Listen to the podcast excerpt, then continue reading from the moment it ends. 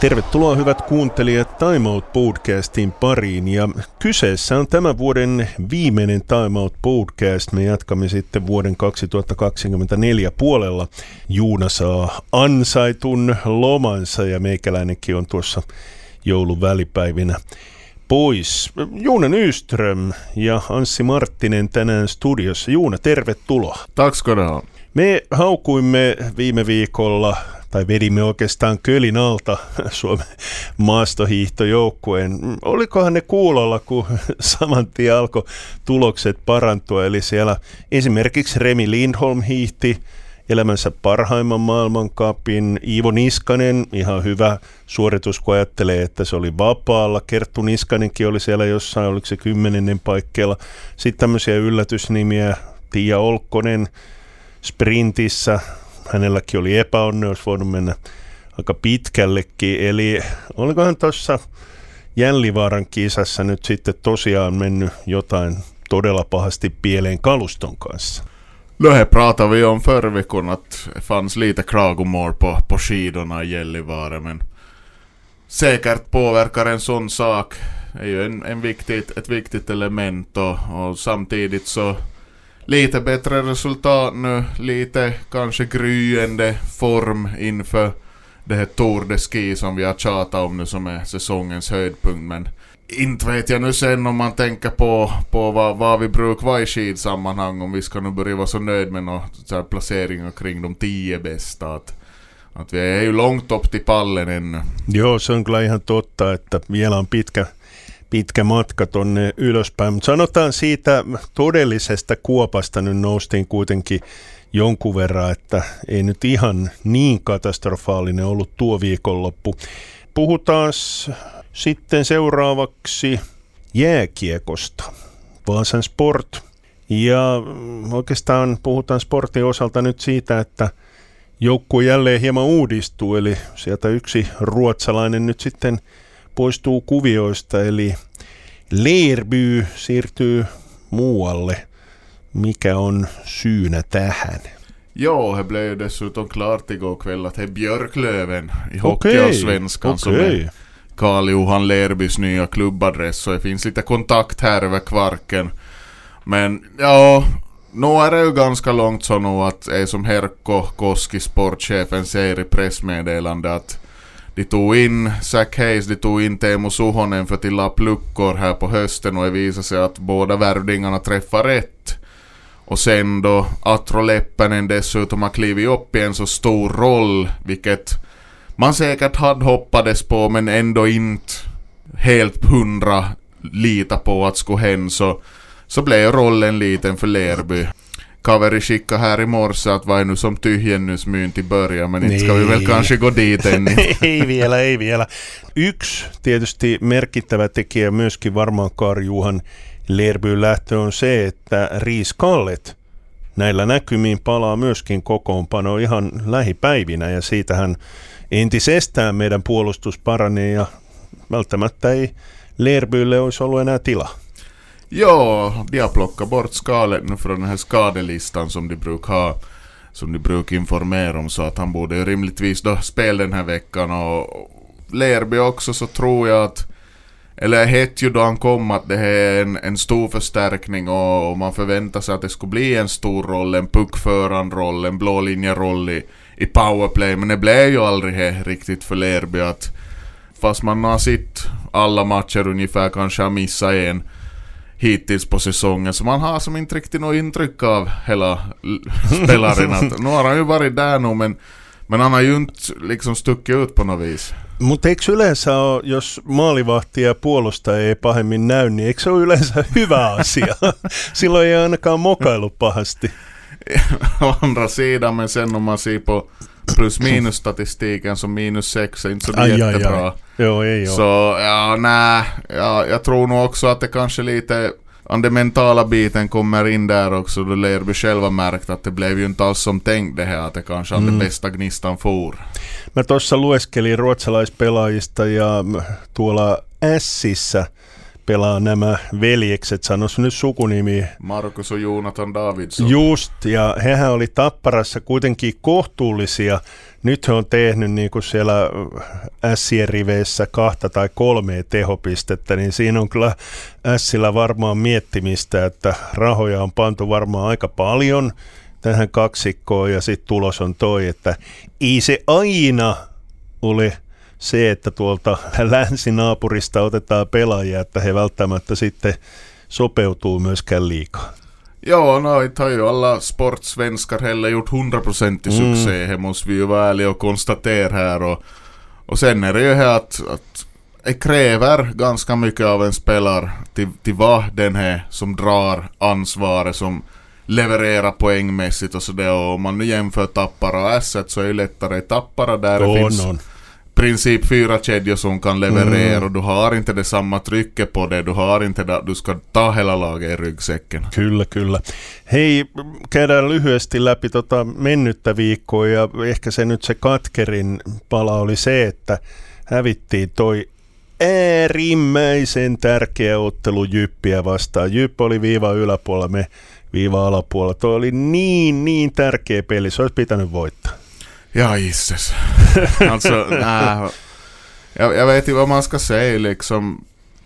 Två av målen som Djup gör så är ju gåvor av sport. Mm. Alltså är, är tydliga individuella misstag som, som leder till gratismål. Och skulle de här två målen inte ha kommit till så skulle jag varit tre poäng för sport kan man, om man räknar lite så enkel matematik. Men sen åt andra hållet alltså de de måste ju i princip ha Veini Vehviläinen, Djups målvakt, liggande på isen sprattlandes efter typ två, tre skott och smälla in en retur för att det skulle bli mål. Att jag tycker nog det kanske det största, tydligaste är ju att Sport har så otroligt svårt att få in pucken i mål. Mm, mm. Eikä yhtään helpota kyllä tällä viikolla, kun katsoo tätä otteluohjelmaa. Pelataan keskiviikkona ja perjantaina vierasottelut. HFK ja Ilves. No mitä me nyt sanottaisiin? Pistekin olisi ihan hyvä. Tosi, tosi vaikeita peliä. Katoin justi esimerkiksi HFKsta, että Jori Lehterä on aivan mieletön syöttökone. Ei ollut vissiin tehnyt, oiko tehnyt kaksi maalia, mutta syöttöjä oli jo lähemmäs 30. No, että, joo, taisi olla näin, että kyllä niin kuin, tosi vaikeat pelit. Joo, HFK har ju vaknat till liv ganska bra och de har väl fått lite tillbaka folk från sjukstugan och, och så denna så att på väg uppåt formkurvan pekar åt helt rätt håll och Ilves, Ilves är Ilves, Ilves är jättebra slag, de utmanar Tappara om till vinn grundserien och ja nej, och då dessutom båda matcherna på bortais så det blir nog, det blir en otroligt tung vecka för sport det här. Och där skulle jag varit just det att, att den viktiga matchen, där det, de där tre poängen som verkligen behövdes, så de kom inte lördags. Så nu krävs det lite underverk istället. Time Out Podcast käynnissä. Kyseessä on tämän vuoden viimeinen Time Out Podcast. Sitten vedämme hieman henkeä ja pidämme joululomaa ja sitten jatketaan ensi vuoden puolella. Tuossa puhuttiin jääkiekosta, puhuttiin Vaasan sportista, niin kun mä oon sen verran huonosti seurannut noita alasarjoja, että mitä siellä nyt tällä hetkellä on käynnissä, mitkä joukkueet ovat vahvoilla ja mitkä vähän heikommin. Maalahteen mä aina välillä kattelen, että miten ne on pelannut, mutta Ja, jag väntar ju nog julpaus också i, i division 2-hockeyn. Att jag tror det här är sista omgången nu som spelas den här helgen och sen ska jag väl vilas. Men Malax har haft det jättetufft många spelare som lämnade efter att de vann, vann hela serien förra säsongen. Och, men nu har de lite vaknat till liv, vunnit två raka och Kraft hyfsat bra ånga på. De slog serieledarna Kronan här i, i helgen. Att det har varit Kronan som har varit det starka kortet nu i höst. Kro, Kronobys stolthet och mycket bra spelare från Kalebytrakten som spelar där. Sitten eh, hieman jalkapalloasiaa. Vaasan palloseurasta nyt ei ole muuta kuulunut, mutta se, että Sebastian Strandvall on ehdolla, sanos nyt vielä mikä se oli se palkinto, se on siis... Se var årets förebild. Juu, ja siellä tietysti Seban ihkä kantona kaskessa on toi tennismaajoukkue. Sitten siellä on kyllä Ella Junnila, me tehtiin tästä keskustelua. Ensin mä ihmettelin, että miten ihmeessä – voi olla vuoden esikuvana korkeushyppäjä, joka Kalevan kisoissa ei hyppää, koska vähän sateli ja pyysi muitakin lopettaa. Ja muut oli sitä mieltä, että hei me kyllä jatketaan. Ja mä että mikä ihmeen vuoden esikuva voi olla Ella Junnilla, mutta se ilmeisesti liittyy tähän hänen urheilun ulkopuoliseen vähän tällaiseen järjestötoimintaan ja muuhun vastaavaan, mutta sä saat ilmeisesti jopa äänestää näistä, oliko se niinhän? Vai, saakko? Jo, då man är A eller B-medlem som det heter i, i Sportjournalistförbundet så får man röst. Nu, nu minns jag inte på rak arm. Jag tror vi brukar rösta på årets idrottare, årets tränare, årets lag. Så jag tror det här faller utanför Okei, okay, okei. Okay. Eli Men, äh, mä, sen... mä uskon tietäväni, ketä sä olisit äänestänyt, jos sä olisit saanut äänestää. ja, kan ju hända. Jo, jo nej, är ju samma sak med, med, med Sebba Strandvall att de lyfter ju fram det här hur han har stöttat sin tidigare iranska lagkamrat. Mm. Jo, se on hieno asia, todella hieno. Och ja, det blev ju faktiskt bra genomslag där och det blev en otroligt stor grej så att Jo, jag träffade, träffade Sebba här på stan faktiskt. De hade, de hade ju VPS det här säsongsavslutning i fredags så han var nog faktiskt, han var väldigt glad och överraskad över den här nomineringen. Joo, se oli hieno, mutta kyllä mä vähän pahaa pelkään, että taitaa mennä tonne tennismaajoukkueen puolelle tuo titteli. No en tiedä, riippuu vähän kuka sen valitsee. No andra sidan så tennis, det här Davis Cup-laget så kanske skulle vinna årets lag också. Där. Mm. Jag kikar lite på den listan så konkurrensen är inte stenhård där i år. Inte. Mm. Mikä ne oli, mitä sä nyt valitset? Se oli niinku vuoden urheilija, vuoden joukkue, vuoden valmentaja.